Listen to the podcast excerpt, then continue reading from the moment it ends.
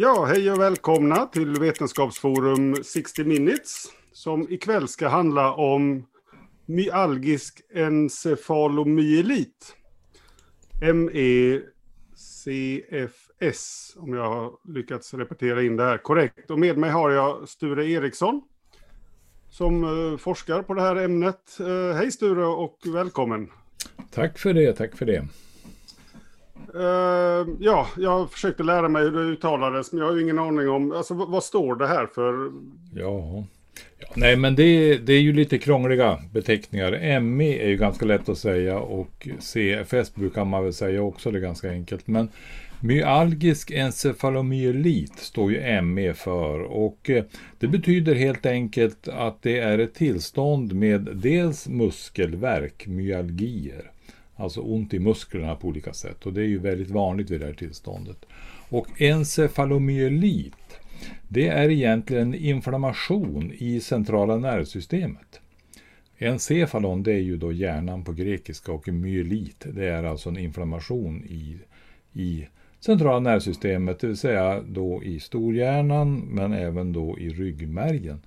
Och eh, det här har ju faktiskt på senare år kommit att etableras mycket mer som begrepp och det har att göra med att man har då visat också nu åtminstone på ett par olika sätt att det finns faktiskt vid det här tillståndet inflammation i centrala nervsystemet. Sånt har ju länge varit svårt att studera men man har visat nu med ett par olika tekniker att det är faktiskt så att det finns. Så begreppet ME är ju har numera ett ganska gott underlag och CFS är ju på väg ut. Eh, beroende på att det är ju mera ospecifikt, alltså ah, kronisk trötthetssyndrom är ju inte ja. riktigt det man, det man har så god stor nytta av för att eh, jag menar alla är väl lite trötta till mans emellanåt och det finns ju massor av skäl att vara trött så att man går mer och mer mot ME men samtidigt är det så här att ME CFS som kombination är praktisk för det går att hitta på nätet. Söker du bara på ME då, då går det liksom inte att söka för det får ju sådana enorma mängder av träffar så det går. Ja just det, det blir MIA. Ja visst. Men eh, kroniskt trötthetssyndrom, eh, det har ju fördelen att man förstår vad, vad ja. det handlar om och ja. det, det, låter ju som ett väldigt obehagligt eh, tillstånd. Men, ja. men som du säger är det också ganska brett. Eh, ja. Jag har väl också hört om det i, i som eventuell eh, följdsjukdom till covid. Jag vet inte om vi, vi, vi kommer dit. Men ja, alltså, vi, kom, hur, vi, kommer in på det på en stund. Mm. Hur, precis, så hur avgränsar sig liksom det här specifika ME-CFS från all form av liksom bara generell ja. trötthets... Uh... Ja, alltså man kan säga så här att självklart, som alla andra tillstånd som är lite svåra att avgränsa så är det ju en pågående diskussion om det här. Men det börjar också stabilisera sig mer och mer och man kan säga att det har etablerats nu kriterier för det här som är relativt allmänt accepterade, åtminstone i branschen. Och jag kan faktiskt göra så här, att jag lägger ut en liten bild som visar de viktigaste kriterierna för det här tillståndet. Det ska handla om ett tillstånd som har en påtaglig nedgång i förmåga till aktiviteter och det här ska ha suttit i under mer än sex månader kombinerad med trötthet. Och tröttheten beror alltså inte på att man har vilat lite och, och rättare sagt vila hjälper egentligen inte och det beror inte på ansträngning. Så det är liksom en påtaglig nedgång ifrån tidigare förmågor och jag ska illustrera det lite längre fram. Det kan vara en väldigt kraftig nedgång. Det är, det är ett, ett viktigt kriterium. Ett annat eh, karaktäristikum för de här tillstånden är det som kallas för PEM, eller Post Exertional Malaise. Det är nämligen ett tillstånd som innebär att eh, den som har drabbats av det här blir dålig, alltså mycket sämre av fysisk eller psykisk aktivitet som går över den aktuella förmågan. Alltså om man försöker anstränga sig mer än det man för tillfället klarar av, då får man rejält ökade symptom och de här symptomen sitter kvar. De kommer inte alltid akut, men de brukar komma efter några timmar och sen sitter de i dagar till veckor med en försämring. Och det här kan man till exempel mäta om man skulle vilja med upprepade arbetsprov. Och det här just PEM är ett tillstånd som nästan inte finns vid andra, tillstånd, andra funktionsnedsättningar. Eh, det, det... det, låter lite som omvänd, alltså, om, om, man tränar så blir man ju successivt bättre, men här ja. menar du att om man tränar så blir man successivt sämre på grund av faktum att man... Alltså om du pressar, det vill säga tränar över aktuell förmåga, då blir du sämre. Mm. Och det, det, är ett väldigt viktigt kriterium för att det är nästan inga andra tillstånd som ger den typen av fenomen. Och det här, eh, vi ska inte fördjupa diskussionen om det just nu, men, men, men det här är ganska väl kartlagt och man vet att det har till exempel att göra med ökad produktion av laktat och en del andra ämnen och så vidare. Eh, men jag tänkte vi tar de här kriterierna först och det här är en förenklad version av de kriterier som brukar användas idag och kallas för Kanada-kriterierna. Det tredje kriteriet är att eh, man blir inte utvilad trots att man har sovit en hel natt. Alltså när känslan av trötthet finns kvar trots att man har vilat så att säga. Och det fjärde eh, viktiga symptomet det är då en påverkan på hjärnan och hjärnans förmåga till tänkande, det vill säga den kognitiva förmågan. Den går ner, eh, särskilt då vid, eh, vid ansträngning. Och eh, det här kallas ju då i andra sammanhang konfessionella symptom, men i den här branschen brukar det kallas för hjärndimma eller krasch eller motsvarande. Alltså det, är ett tillstånd som kommer relativt raskt, det går lite upp och ner och det kommer till exempel minnesstörningar men framförallt kommer ju uppmärksamhetsstörningar, alltså man kan inte riktigt fokusera ordentligt. Men eh, också eh, i nästan alltid i sam, samband med det och ibland enbart så finns det också störningar i blodtryck och hjärtreglering och det brukar ibland sammanfattas under begreppet POTS. Och det är då en störning i regleringen av till exempel blodtrycket och av pulsen. Och det här har man ju visat vid, vid ME att det är ett av skälen till att man kan få eh, hjärndimma, det vill säga när blodtrycket är i olag och pulsen är i olag, då får hjärnan en försämrad blodförsörjning och det kan också bidra till det här. Så det här är de fyra viktigaste särskiljande kriterierna för ME och som eh, naturligtvis inte alltid till exakt 100% men till, kan mycket väl användas kliniskt för att hålla isär vad som är vad. Och, och jag vill poängtera än en gång att framförallt det som kallas för PEM är ett sådant där viktigt kriterium som nästan inte finns vid andra tillstånd. Jag noterar här att de här kriterierna är ju helt symptombaserade, så man beskriver symptom snarare än att man beskriver eh, orsak som man kanske hade varit mer förväntat sig. Eh, men det kanske Ja. Beror på att man inte vet så mycket. Jag vet inte hur, jo. Vad, liksom, hur länge jo, har man vi, vi, kom, det här? vi kommer dit. Man vet ganska mycket idag om vad som ligger bakom det här. Men, men kriterierna för det här tillståndet är ju det, är det man brukar kalla för en kriteriediagnos. Alltså det är en diagnos som man sätter baserade på ett antal överenskomna kliniska kriterier. Det är för övrigt inget ovanligt. Det är ju så vid väldigt många tillstånd. Hela psykiatrin kan man säga baseras på samma sak och många andra tillstånd har ju också kriterier. Och, man, man, och skillnaden är ju där, och det har ju varit lite dilemma för branschen, man kan ju inte ta något enkelt blodprov för att avgränsa det, utan man använder den här typen av kriterier. Och tyvärr har det ju också funnits lite olika, olika kriterieuppsättningar, men, men det är en kriteriediagnos och det får man acceptera. Ja. Jag kan ju slänga in en kort fråga här bara från chatten. Det är Susi Pet Petersson som undrar om det här är ärftligt eller? Det är, genetiken vid ME har studerats ganska flitigt och det finns eh, en del indikationer på att det finns en ärftlighet men man har än så länge inte alls kartlagt eh, och lyckats se så att säga, vad det är för typ av genetisk störning eller sådana saker. Det är inte helt ovanligt att det finns flera i samma familj och det, det talar ju för att det kan finnas genetisk komponent. Men det är inte ärftligt i, i vanlig mening. Så, så, det är något man kan få under livets eh, gång? Ja. Så ja. det är inget man föds med utan det... Nej, nej, nej, nej, nej, oj, oj. Vi, vi, kan ta lite mer så att säga om, om just kring det här med kriterierna och, och uh, vanlighet och sådana saker. Och uh, Eh, den här bilden eh, sammanfattar lite grann av det här och som, som man kan komma ihåg. Det här är ju ett tillstånd som inte är eh, kortvarigt. Det är nästan alltid långvarigt och som jag nämnde, det ingår att man ska ha symptom minst sex månader i kriterierna.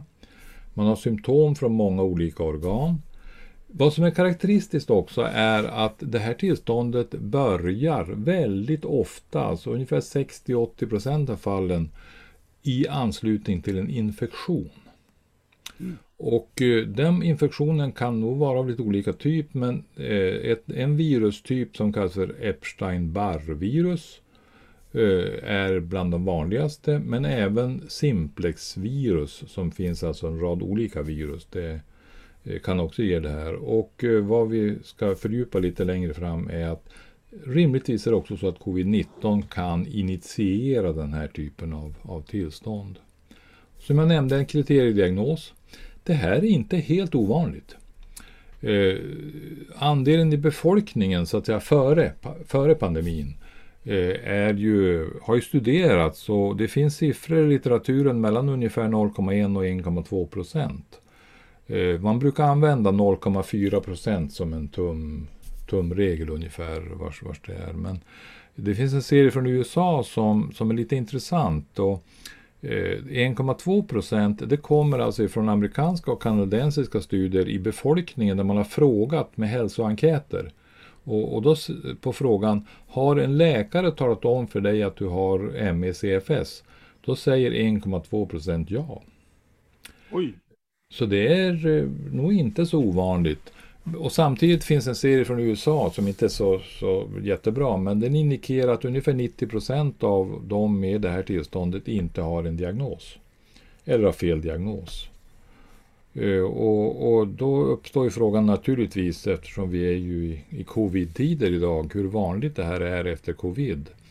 Och det har vi än inga bra, solida data på, men eh, bara häromdagen så kom ju en serie från Norge som har ju följt upp då de som både har legat inne på sjukhus och hemma och de hittar ju totalt sett 60 procent av symptom efter sex månader. Men om man tittar lite mer... Den här Bergen-studien.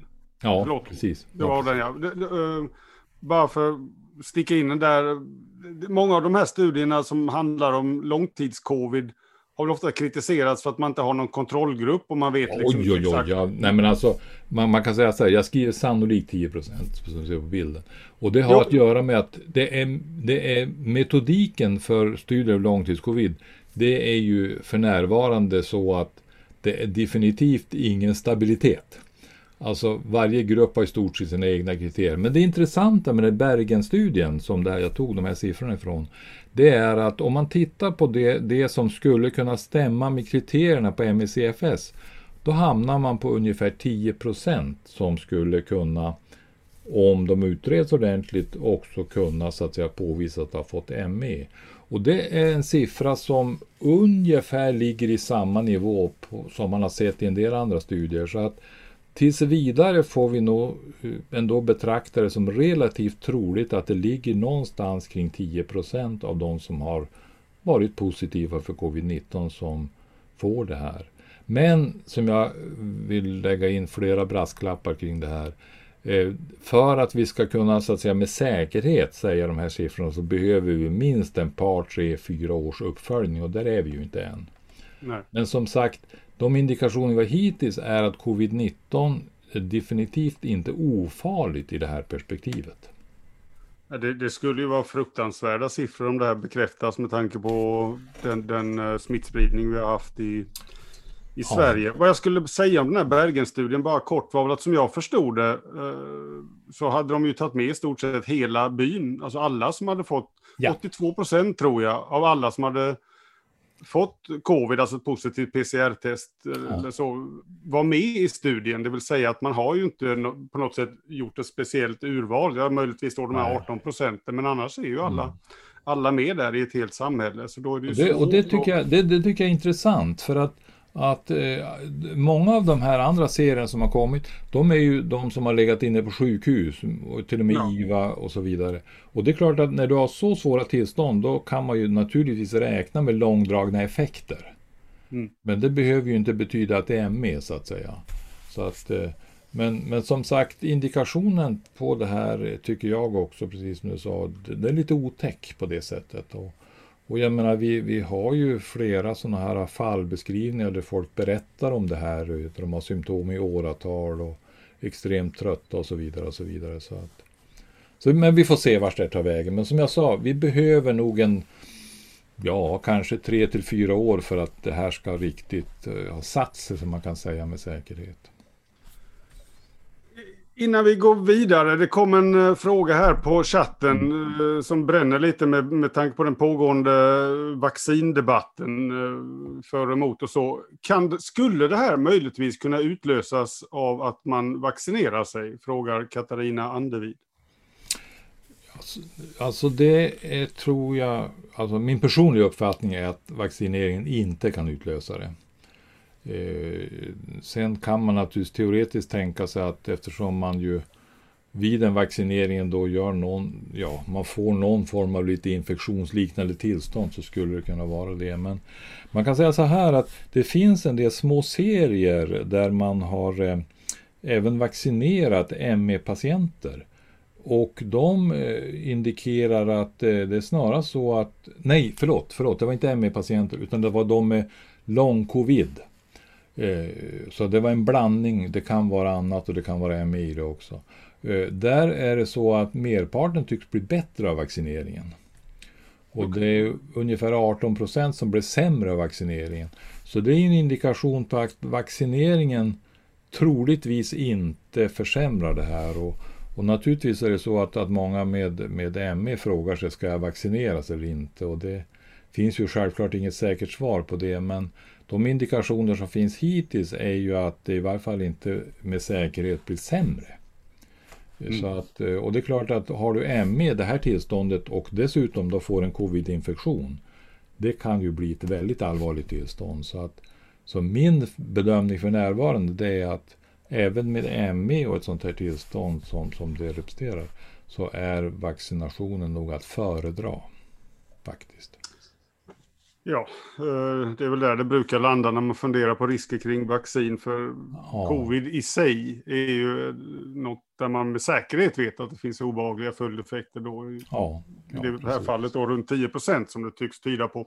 Mm. Uh, ser det ut, finns det några liksom undergrupper i... i där, jo, kan det, det, det, är en intressant fråga.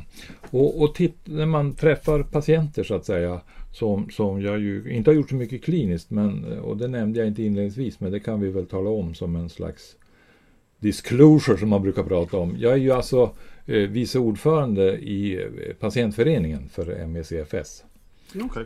Så att eh, jag har, det, och det är egentligen via de kanalerna och det nätverket som jag har skaffat mig en eh, betydande kunskap i den här frågan. Både genom att möta ett stort antal personer som är drabbade men också träffa forskare och kliniker som har jobbat med det här och litteratur. Så att då har vi sagt det också. Eh, men, men eh, vad var din fråga för övrigt? Jag kom av mig. Nej, det var no jo, undergrupper. Till, jo, undergrupper. Ja. Jo, den frågan har ju, har ju några grupper ställt sig och eh, man kan säga att det finns ett par intressanta serier. Dels en Stockholmsserie faktiskt som bara analyserat symptomen med statistisk teknik, alltså principalkommunal analys.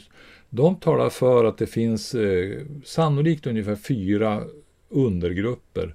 Det finns också studier på mRNA som är ju alltså en eh, genetisk variantmarkör som också talar för att det finns fyra undergrupper. Så att, eh, men det här är inte etablerat än. Men, men eh, rimligtvis är det så att vi i framtiden kommer att se att det här är ett syndrom där det finns några undergrupper med olika symptom eh, och sannolikt kanske också lite olika profiler i skadorna så att säga. Så det en, och det gör ju inte saken lättare att det finns lite variationer i det här, men sånt är livet. Vi får leva med det tills vidare. Eh, men du nämnde ang angående utlösande faktorer, det har kommit en fråga här. Mm. Uh, Mikaela Torsdotter undrar om det kommer snabbt och Marie Kock undrar om det finns en koppling mellan bältros med komplikationer och ME. Så du nämnde diverse virus eh, som mm. kan utlösa det här, virusinfektion. Eh, finns det andra sätt man kan få den här sjukdomen på? Ja, alltså man kan säga så här att de, de serier som finns idag eh, säger att ungefär 60-80% av fallen det börjar med en tydlig infektion. Mm. Och jag ska ta fram en liten bild där som, som eh, kan illustrera det här. Den här tänkte jag och en, där ska jag visa en text. Jo, eh, det är alltså 60-80% som har en tydlig infektion initialt och det är som jag sa, det är oftast eh, Epstein-Barr eller någon annan virusvariant. Men det kan också vara en allvarlig bakterieinfektion. Eh, och det finns också faktiskt en del observationer, inte riktigt systematiskt, som talar för att mögel eller sjuka hus-fenomen eh, skulle kunna utlösa den här typen av, av tillstånd. Så att eh, det, det, finns flera olika sätt det här kan starta på så att säga. Jag tänkte illustrera det lite grann närmare för att då tänkte jag vi kan väl gå över och börja fundera lite djupare kring vad händer vid det här tillståndet? Vad vet vi om det? Och den här bilden illustrerar hur man idag ser på det här. Det finns alltså flera olika virus, det finns sannolikt bakterier, kanske gifter och annat. Och det finns också beskrivet, men det är ganska ovanligt, att svåra skador, alltså typ uh, vävnadsskador vid olyckor och så vidare kan starta det här. Men det vanligaste är virus.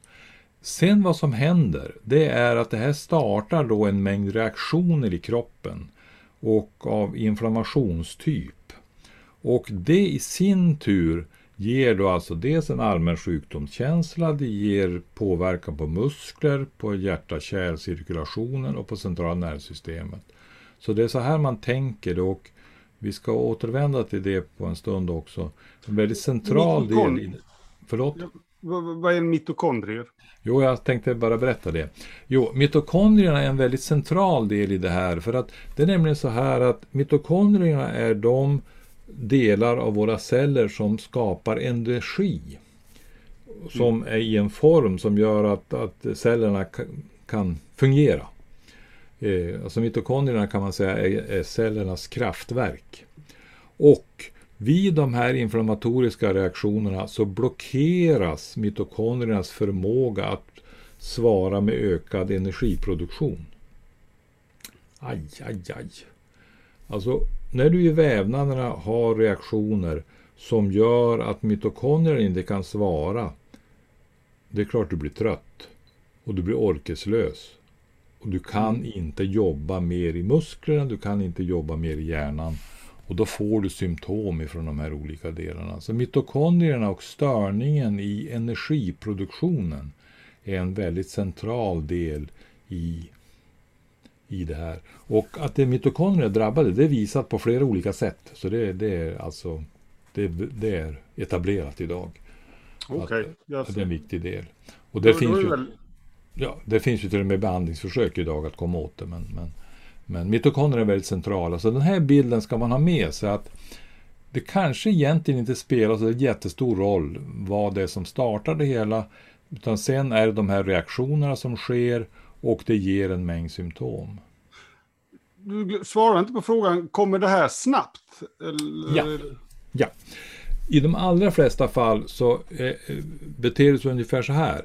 Man insjuknar i virusinfektionen och sen ser man att den går inte över. Man fortsätter att ha sjukdomskänsla, man fortsätter att vara trött, man fortsätter och blir så småningom i ett läge där man inte kan ansträngas utan att bli sämre. Och det innebär att i praktiken har man nästan alltid en rask debut. Inte till 100 procent, men, men de allra flesta har en snabb, snabb debut. Ungefär börjar som en vanlig influensa-liknande virusinfektion. Är, är det här vanligare i vissa åldersgrupper än andra? Eller kan det ske när som helst under livets gång? Det är så här att tittar man på åldersfördelningen så kan det här, så här ser den ut åldersfördelningen eh, i den enkät vi har gjort. Det här är inte debutåldern, men det, är, det finns redan i tonåren och bland barn, som man kan se här, men merparten är medelålders. Merparten är medelålders. Så det, det, det finns era. Däremot hos äldre personer, alltså över 80 år, är det här uppenbart väldigt ovanligt. Och ett geriatriskt perspektiv som jag har jobbat med tidigare, det ser man i praktiken inte den här typen av fenomen. Men det finns alltså i hela livsfallet från barn och i medelåldern de vanligaste debutåldrarna. Blir man frisk? Kan man bli frisk? Eller så, vad är det som gör att det här blir permanent? Alltså, kroppen ja. har en otrolig förmåga att lösa massa andra saker. Ja, men naturligtvis. Och det, det, är en jättespännande fråga. Eh, därför tog jag med den här bilden som är ju ganska tuff att titta på, men vi ska förklara lite grann. Den här bilden har jag ta, fått av en kollega som heter Bob Naviot i Kanada. Den här illustrerar, om vi tittar längst upp till höger, så är det så här att vi alla utsätts ju för infektioner och skador och allt möjligt sånt. Och i normalfallet så har vi ju system som gör att man följer den övre delen av cirkeln. Alltså man, man reparerar det här i stort sett oftast över natten och det, ja, det ställer inte till med något mer utan att det, den här, det fungerar så att säga. Men emellanåt, när man, framförallt när man får allvarligare skador, då går man in i något som kallas CDR, alltså det vill säga Cell Danger Response. Det vill säga det är kroppens försvar och reparationsmekanismer som då går igång. Och vad som händer vid ME är att man börjar på stadium 1, man fortsätter till stadium 2. Men när man kommer till stadium 3, den som ska föra över till friskhet, så blir det av någon anledning stopp. Alltså den som drabbas av ME står kvar i CDR3 och det har man visat eh, med experimentellt och även med sådana här rätt avancerade ämnesomsättningsstudier att så är fallet. Vad, vad, vad får CDR för? Cell Danger Response, alltså kroppens normala förmåga att reparera skador. Ja. Och i stadium 3 som ju är det som ska göra att man blir frisk igen, där fastnar man. Och det här är ju den, kan man säga ur forskningssynpunkt, riktigt aktuella och fråga som väldigt många grupper jobbar med idag. Vad i all världen är det som gör att man fastnar här?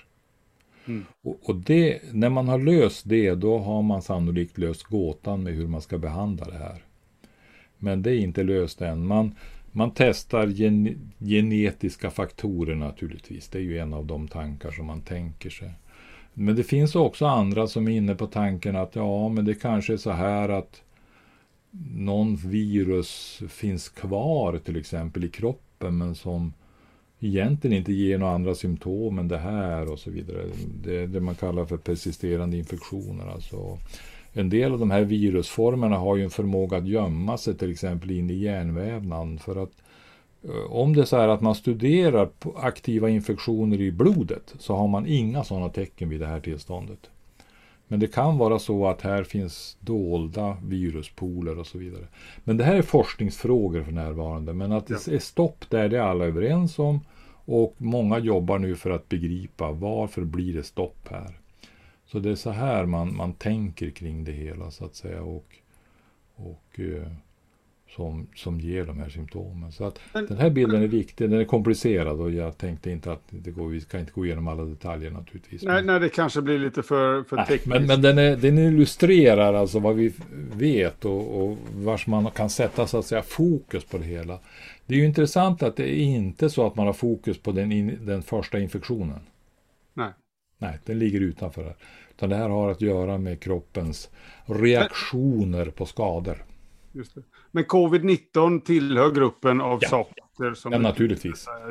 Men, covid-19 kan starta det här. Mm. Man kan bli frisk från det här tillståndet? Ja, det finns ett antal fall beskrivna som uppenbart har blivit i varje fall väldigt, väldigt mycket bättre. Eh, och det pågår en del arbeten för att, bland annat här i Sverige, att, att försöka sammanställa eh, de som har blivit friska eller i varje fall skenbart friska. För att det, det, finns ju alltid frågan, hade de ME från början? Och vad det i sådant fall var det som gjorde dem friska? Men, men eh, andelen som blir friska, eller i varje fall får väldigt lite symptom, den är uppenbarligen låg. Den är låg. Mm. Jaha. Ja. Mm. Inte så muntert. Uh, vilka är de viktigaste sjukliga förändringarna vid ME? Mm. Alltså, vad, vad, finns det som medverkar till att sjukdomen inte läker ut? Ja, jag gjorde en sån bild här också och eh, det här är en sammanställning och en förenklad bild av, av vad, man, vad man har hittat hittills. Det, man, man vet att tarmens innehåll av mikrober är rubbat. Eh, varför är oklart, men det pågår faktiskt en del studier för att rätta till det och vi får faktiskt resultatet av en svensk studie i höst, så det är spännande. Eh, det andra som inträffar, och vi har nämnt, det är att mitokondrierna, de fungerar inte som de ska. De kan inte svara med ökad energi till cellkroppens vävnader. Tittar man på så att säga metabolismen i stort så liknar den det man kallar för hibernering, alltså det vill säga samma sak som när björnarna går i det. Alltså metabolismen är låg, det går långsamt allting och, och det kanske är ju bra för björnar i idet, men en människa som ska leva som vanligt är det här liksom ingen, ingen höjdare. Och det ställer till med en massa trassel. Eh, det är också påvisat att det pågår hela tiden en rad inflammatoriska processer där det produceras eh, ja, leptin och cytokiner och så vidare. Så, så det finns rubbningar där också.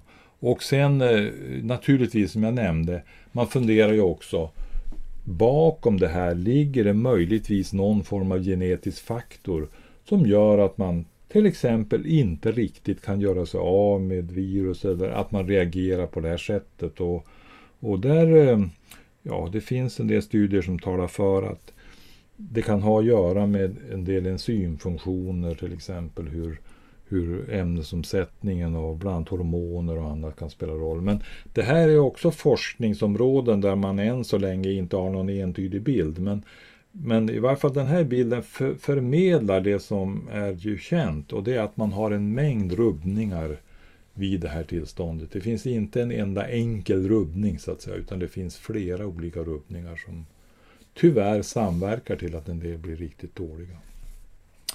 Så att eh, det är det här, eh, de, de viktiga delarna som, som sker så att säga.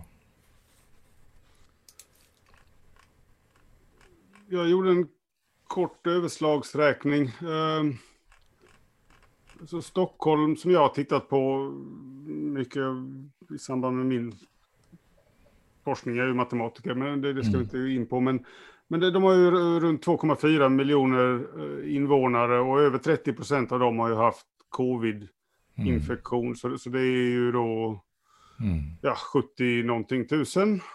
Mm. personer. Och det här skulle alltså kunna ha drabbat 7000 stockholmare vid det här laget. Ja, tyvärr. Tyvärr. Det, det vi vet för närvarande talar för det. Vi får hoppas vi har fel. Mm. Vad, vad, vad, händer med dessa människor? Får, får man... Kan man fortsätta jobba? Så här, så här svarar de med ME. Eh, det här, vi har gjort en medlemsenkät för något år sedan. Bland, eh, vi har ju i föreningen har vi ett, ett, ganska stort antal, så den här enkäten baseras på 900 svar. Eh, begränsningen i fysisk aktivitet, det var ju en av de första kriterierna och den här illustrerar det. När det gäller ansträngande fysisk aktivitet så är det nästan ingen som klarar det. Alltså med det menas ju skidåkning eller skottgräva diken eller tyngre, tyngre fysiskt arbete. Nästan ingen som klarar det. Måttligt ansträngande arbete som är typ lätt hushållsarbete och motsvarande. Där är det ungefär 70 procent som säger att det, det där är svårt för oss. Men även på lätt ansträngande fysiskt arbete så innebär det att ungefär 20-25 procent har ordentliga nedsättningar. Och med lätt ansträngande det betyder att klä på sig, duscha och så vidare. Så man får alltså väldigt kraftig nedsättning av förmågan.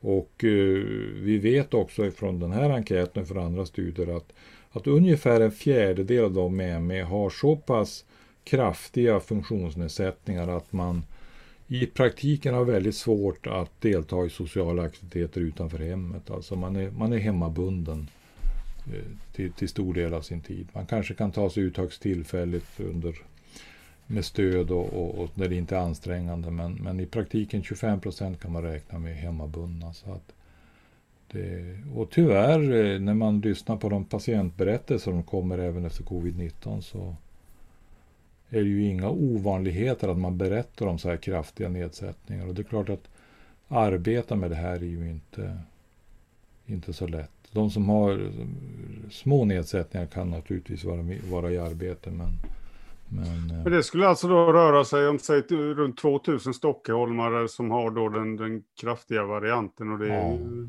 Ja, ja. Uh, mm. För, för, hur hamnar de? Får de då liksom sjukförsäkring och så? Alltså är det här en etablerad diagnos som man kan då få, liksom få ersättning? Så här. Väntan på att man förbättrar sig eller blir man bara av med ja. Då, då, du tar upp frågan tänkte jag kan visa den här bilden också. För den här är ju en bild som gör att man blir matt. Eh, den här illustrerar bedömningen av arbetsförmågan dels av Försäkringskassan i rött och dels av läkare och patienterna. De bedömer ungefär likadant ser vi i vår enkät. Eh, merparten har saknat helt arbetsförmåga. Men det som är intressant här och det som ju är både störande och bekymmersamt är att Försäkringskassan anser att ungefär 40 procent har 75 eller 100 procents arbetsförmåga. Medan läkare och patienten själv bedömer att det är bara några enstaka procent. Och det här har vi sett i allmänna debatten, det här drabbar andra sjukdomsgrupper. Att Försäkringskassan hittar på att man kan arbeta med någonting. Man säger ja men det finns ett normalt förekommande arbete på vanlig arbetsmarknad där du kan arbeta till 100 procent. Och så drar man in sjukpenningen. Så att hela den här sjukpenningsproblematiken och allt det här är ett mörker. Och covid-19, eh, de som har långdragna symptom, har vi ju ganska många nu fallberättelser att de drabbas av precis samma sak. Man utförsäkras, man möts av oförstående, Försäkringskassan säger att det finns ju säkert något jobb läkare som har drabbats av det här som ju inte alls är ovanligt har vi sett. Det finns ju någon sammanställning på 80-90 läkare som har, har fått den här typen av långa symptom. Då säger man att ja, men det är klart det finns något jobb du kan ta. Du kan ju ta vad som helst på marknaden. Men, men det här är ett bekymmer. Förhoppningsvis så blir det bättre framöver kring det här. Men vi har haft kontakt med och träffat socialförsäkringsministern till exempel i det här avseendet. Och han säger att ja, ja, ja, jag ska försöka så gott jag kan. Men, och det kom ju bara häromdagen en, en, en ny, nytt avslöjande där man visar att Försäkringskassan har ju bestämt sig för några år sedan att man får inte sjukpenning om det inte finns objektiva symptom som de kallar det. Och det är, det är i trots mot domstolar och annat. Jag menar, här, vid det här tillståndet som vi illustrerat finns ju inget enkelt blodprov eller något sånt där. Och när våra medlemmar eh, har faktiskt lyckats dokumentera att internt så anser Försäkringskassan att objektiva fynd det är gipsade armar och ben.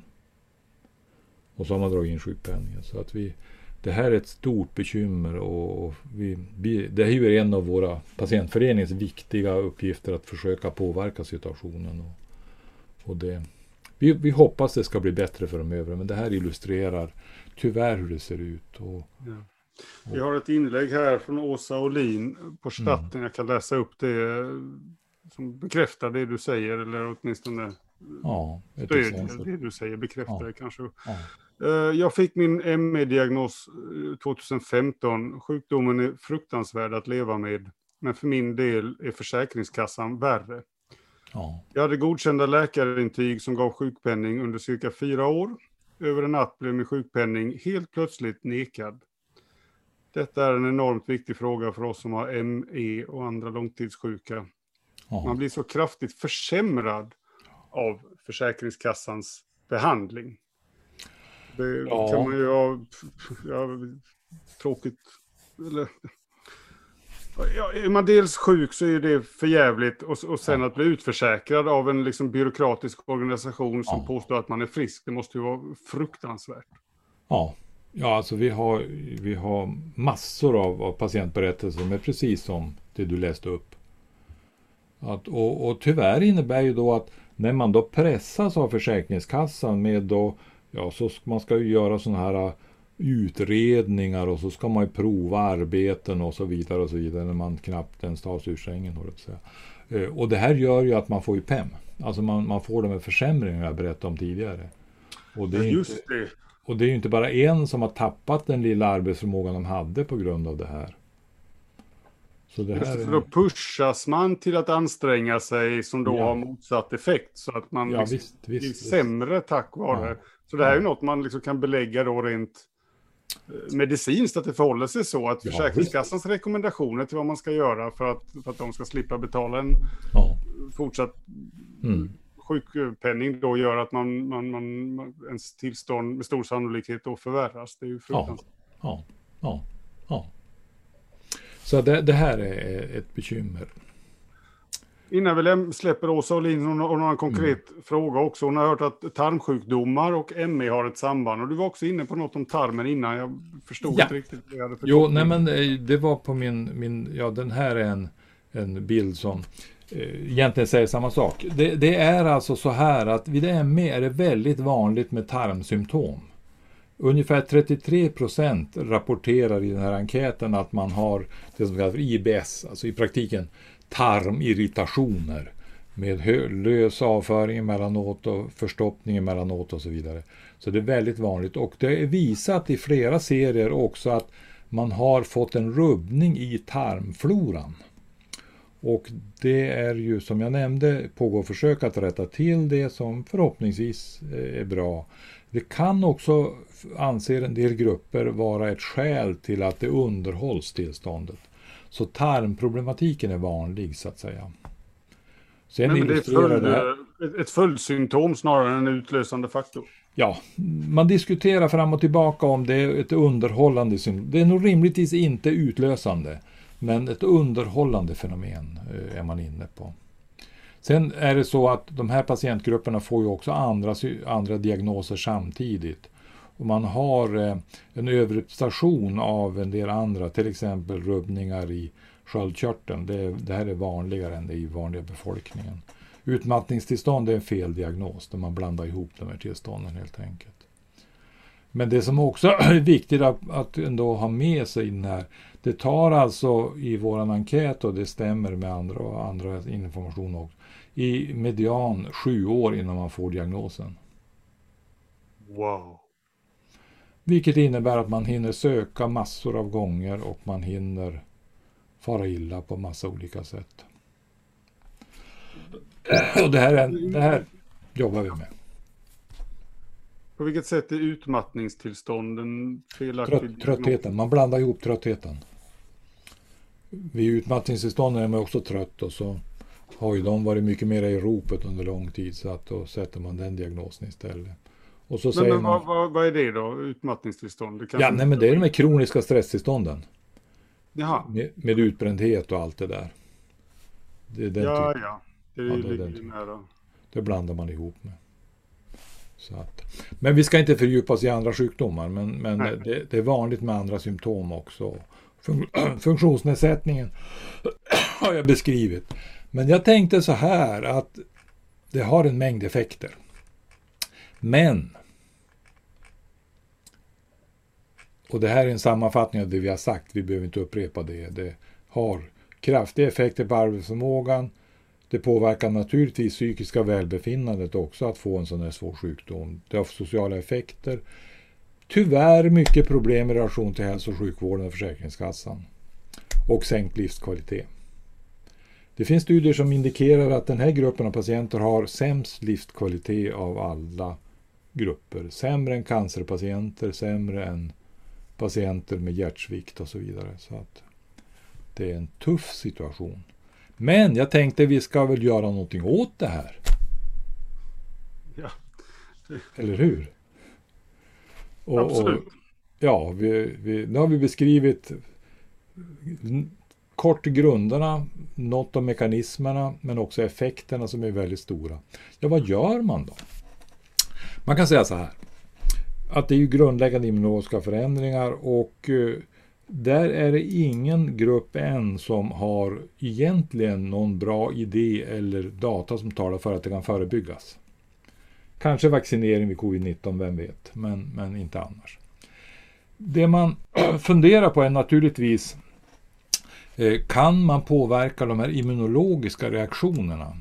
Och vi har redan nämnt att man kanske kan öka mängden snälla bakterier i tarmen. Eh, det pågår studier på det. Man kan också eh, med cancerläkemedel bromsa och få ME-patienter att bli bättre. Det här pågår en del studier i Norge för att försöka se hur, hur, hur man kan använda det. Cyklofosfamid är en cancermedicin som är väldigt mycket biverkningar men, men, eh, men det pågår studier på den. Eh, plasmaferes, det vill säga en teknik där man helt enkelt tar bort ämnen ur blodet som man, man tror är giftiga på, för kroppens vävnader. Det är gjort en del små försök. Det fungerar vid en del andra tillstånd väldigt bra men inte vid ME. Det, det kan man säga. Eh, många jobbar också för att skydda mikro, mikro, mitokondrierna.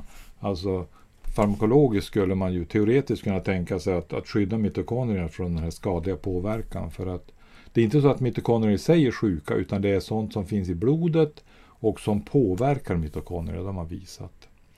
Man kan också tänka sig annat. Så att här finns lite olika idéer som just nu testas.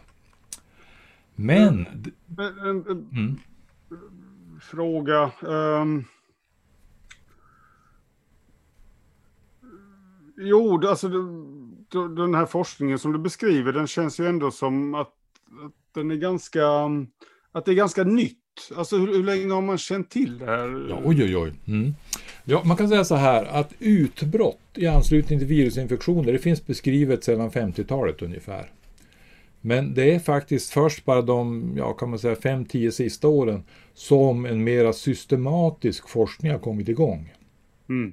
Och det ligger amerikanerna framför allt. Det finns fyra tunga centra i USA som har jobbat ganska effektivt med det här. Så att, så att, eh, eh, så att eh, man kan säga att det, det, har kommit igång och, och nu blir det väl sannolikt så här som vi har ju pratat om att om covid-19 åstadkommer ännu fler sådana här så, så kan man nog räkna med att det blir ännu mera forskningsaktiviteter för att klara ut de grundläggande sakerna, klara ut i sånt fall hur man ska behandla det här på ett bra sätt. Men hur, hur kommer det sig att hela 1900-talet flöt förbi utan att det här kom upp på radarn hos någon? Det är ändå ganska stora, alltså 0,1 till 1 procent. Det, det, rör sig om många ja. människor i varje land. Ja, man, man kan fundera. Ja, jag tror att det är så här att det här är ju tillstånd där, där man blir passiv, man blir orkeslös. Man orkar inte driva sin sak. Mm. Man orkar inte ropa i högan sky. Det är min, så att säga, reflektion att det inte har hänt så mycket mer. Samtidigt är det så här att den medicinska forskningen trots allt har ju faktiskt tagit väldigt stora steg eh, de sista 20-30 åren på många områden. Det här följer ju kanske inte riktigt med men är, är ju på gång. Och jag brukar ibland bara påminna om alltså, Alzheimers sjukdom som jag har, har jag ju hållit på med i min klinik eh, väldigt mycket. När jag gick neurologkursen i början på 70-talet så sa då neurologprofessorn Ja, du det där med Alzheimers sjukdom det kanske finns men det behöver man inte bry sig om. Nej. Och där har vi ju sett en oerhörd expansion så att vi får se vad som händer i den här branschen också. Men jag tänkte vi ska vara lite positiva ändå och eh, säga så här att eh, i och med att ibland blir det ju ungefär någon sån här diskussion att eftersom man inte kan ta bort sjukdomen så då kan man ju inte göra någonting. Mm. Vilket är helt fel. Symptomatisk behandling ska de här patienterna naturligtvis alltid få. Och den viktigaste symptomatiska, alltså som riktar sig framförallt mot symptomen, det är det som kallas för pacing. Och med pacing menas helt enkelt att man tränar upp sig var gränsen går för aktivitet. Så att man håller sig inom den aktivitetsspann som man har och inte går över. Och det här är ju lättare sagt än gjort. Alltså det, det är ganska knepigt för att som vi berättade tidigare så kommer ju symptom dagen efter när man har överskridit sina gränser. Mm. Eh, det, här, det här finns goda, goda kliniska erfarenheter av att det här, det här fungerar. Alltså man mår bättre när man tränar upp sig och rör sig fysiskt och psykiskt och vad det kan vara inom de gränser som man har. Man ska alltså inte vila. För vila förbättrar inte tillståndet, som vi konstaterade i början. Utan man ska vara aktiv inom de här. Arbetsterapeuter eh, brukar vara ganska duktiga på att hjälpa till med det här. Och de tränade arbetsterapeuterna till exempel, så det är viktigt. Men sen finns flera symptomatiska, alltså andra, andra eh, saker som man kan göra. En del eh, rapporterar ganska bra resultat av till exempel kostreglering. Alltså man har tagit, ner kolhydraterna i kosten till exempel och så vidare. Det finns en del små studier så det finns inget sådär riktigt generellt där. Eh, blodtrycksrubbningarna som jag pratar om, de blir ju, blir ju bättre av koksalt koksaltsintag, alltså vanligt, vanligt koksalt, och vätska. Eh, kan behöva extra sånt. Smärtlindring brukar behövas. Kyla kan vara gynnsamt, framförallt för de som har huvudvärk. Men även eh, ångestdämpande medel kan ibland hjälpa till med att man får mindre sömnstörningar. Och naturligtvis också finns det en del läkemedel som påverkar eh, hjärtkärlsystemet gynnsamt som emellanåt kan vara också nyttigt. Det finns ju exempel på patienter som får kraftiga svängningar i blodtrycket, får kraftiga svängningar i pulsfrekvens till exempel. De kan må mycket bättre på läkemedel som till exempel bromsar hjärtat och så vidare. Så att, eh, här är en spännande klinisk intervention där man faktiskt får jobba tillsammans, som läkare får jobba tillsammans med patienter för att hitta de regimer som fungerar. Och det finns inget som fungerar bra för alla kan man säga, utan att det här blir individuell behandling. Vad som också är viktigt att komma ihåg är att många med ME har en av någon anledning en klart nedsatt läkemedelstolerans. Alltså man, man kan ha nytta av en dos som är hälften eller 20 procent av en standarddos. Men får man standarddos så får man biverkningar. Kanske det har att göra med att omsättningen, energiomsättningen är låg i kroppen till exempel. Men så det måste man också komma ihåg när man titulerar läkemedel. Så här finns ganska mycket faktiskt att göra på olika sätt. Och det pågår både studier i det här sammanhanget och, och även eh, klinisk verksamhet. Men som jag sa, och som vi var inne på, har man då en hälso och sjukvård som emellanåt ju inte ens känner igen tillståndet, då får man bekymmer med det här också. Så att säga. Och det är därför vi som patientförening argumenterar väldigt starkt för att man måste ha man måste ha någon form av profilerade mottagningar, öppenvårds och kanske slutenvårdsverksamhet för att träna upp den här förmågan och kunna både sätta diagnos i tid men också hantera den, alla de här behandlingsformerna på ett bra sätt. För det är inte, inte alldeles enkelt. Nej, det kan man ju säga om det är någon som lyssnar här som har de här känner igen symptomen men som inte känner till din förening. Så mm. vad bedriver ni för slags... Hur blir man medlem där och vilket stöd kan man få genom att uh, vara med hos er? Man anmäler sig på vår hemsida eh, MECFS eller rme.nu. Och eh, det är lätt. Och sen eh, har vi då ett förbund på nationell nivå och vi jobbar framförallt med påverkan på myndigheter, politiker och, och så vidare. Men sen har vi tio region, regionala föreningar. En i norr och Stockholm och så vidare. Och de föreningarna satsar ganska mycket på eh, att underlätta social gemenskap. Mm ordnar fikaträffar och alla möjliga sådana saker och meningsutbyten och erfarenhetsutbyten och så vidare. Så att man kan ha distinkt nytta av att vara med i en patientförening också så att säga. Vi har ju också tillgång och man kan få en hel del material via oss till exempel som man kan ibland ha nytta av när man besöker läkare och så vidare. Just det, Vetenskapsforum covid-19 måste jag ju säga att man också kan bli medlem i och man kan även ja. donera pengar till oss så vi kan fortsätta ja. ha de här livesändningarna som ni tittar ja. på nu, 60 minutes. Um, Melinda Papp skriver här, kan man bli bättre av brain retraining? Det där var något jag minns jag pratade med Cecilia Söderberg Naucler vid något tillfälle. Jag tror hon höll på med något jo. åt det hållet Man kan väl säga så här att det finns ju en del som jag brukar kalla för troende i den här branschen som tror att det här är bara psykiatri eller bara psykologiska reaktioner. Och de har ju då argumenterat för att man ska köra eh, psykoterapiformer och så vidare.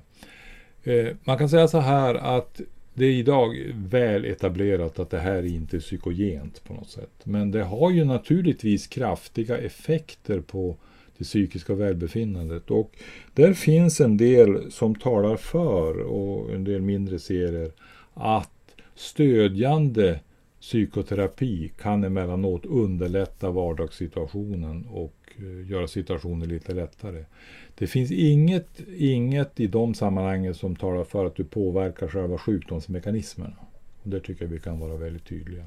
Men brain retraining, vad, vad betyder det? Ja, det är, nog, det är en, en terapivariant där man har som idé att man tränar upp sin hjärna. Mm. Och där kan man säga att det ska man nog akta sig för i de här sammanhangen, ME-sammanhangen. För att träning, fysisk och mental träning innebär att man puttar på gränserna. Och då får man PEM. Det. Så det ska man vara väldigt tveksam till att använda. Och ska det användas ska det ske i sådana former att man med säkerhet inte åstadkommer en försämring. Eh, det har gjorts en del studier där man påstår att den där typen av intervention är bättre, men det visar sig att ur vetenskaplig synpunkt så när man granskar det så var det i praktiken en fake-studie. Tyvärr. Okay. Driven ja, ja, av försäkringsintressen. Oj, det låter ju inte bra alls. Jag, jag, ska lägga in då brasklappen att jag har faktiskt ingen aning om vad, vad det var Cecilia sysslade med. Bara så att jag liksom... nej. nej, men, nej, men, nej, men det är klart att... Man, det alltså, bara, ja. hade någon långtids-covid-patient. Jo, nej, men det är klart att jag menar, I alla andra sammanhang så tänker man ju tanken, ja, ja, men det måste ju vara bra med fysisk träning och det måste ju vara bra med mental träning och så vidare. Och så vidare. Eh, och, och, när det gäller ME-fältet så är det ju så här att, som vi har nu pratat om väldigt mycket, PEM-problematiken är det som är avgörande. Och man måste hålla sig inom de gränser man, man har. Annars blir man sämre. Mm. Eh, och, uh, mm. Jag insåg precis att eh, tiden har sprungit iväg. Hon är, det är tre minuter i nio, men vi, vi brukar inte vara så där stenhårda exakt med deadlinen. Men vi, vi får väl börja kanske summera ihop det här samtalet ja. lite. Jag tänkte mm. dra en sista fråga från mig, sen får du ordet fritt om du liksom vill mm. komplettera, om du känner att det är något vi inte hunnit med eller så. Uh, det, det är Melinda Papp igen som frågar, liksom, finns det en chans att det kommer ett botemedel i nära framtiden? Liksom alltså, som, dagens kunskapsläge är så här att eh, vi kan nog mycket väl för, förvänta oss olika typer av behandlingar som förbättrar situationen.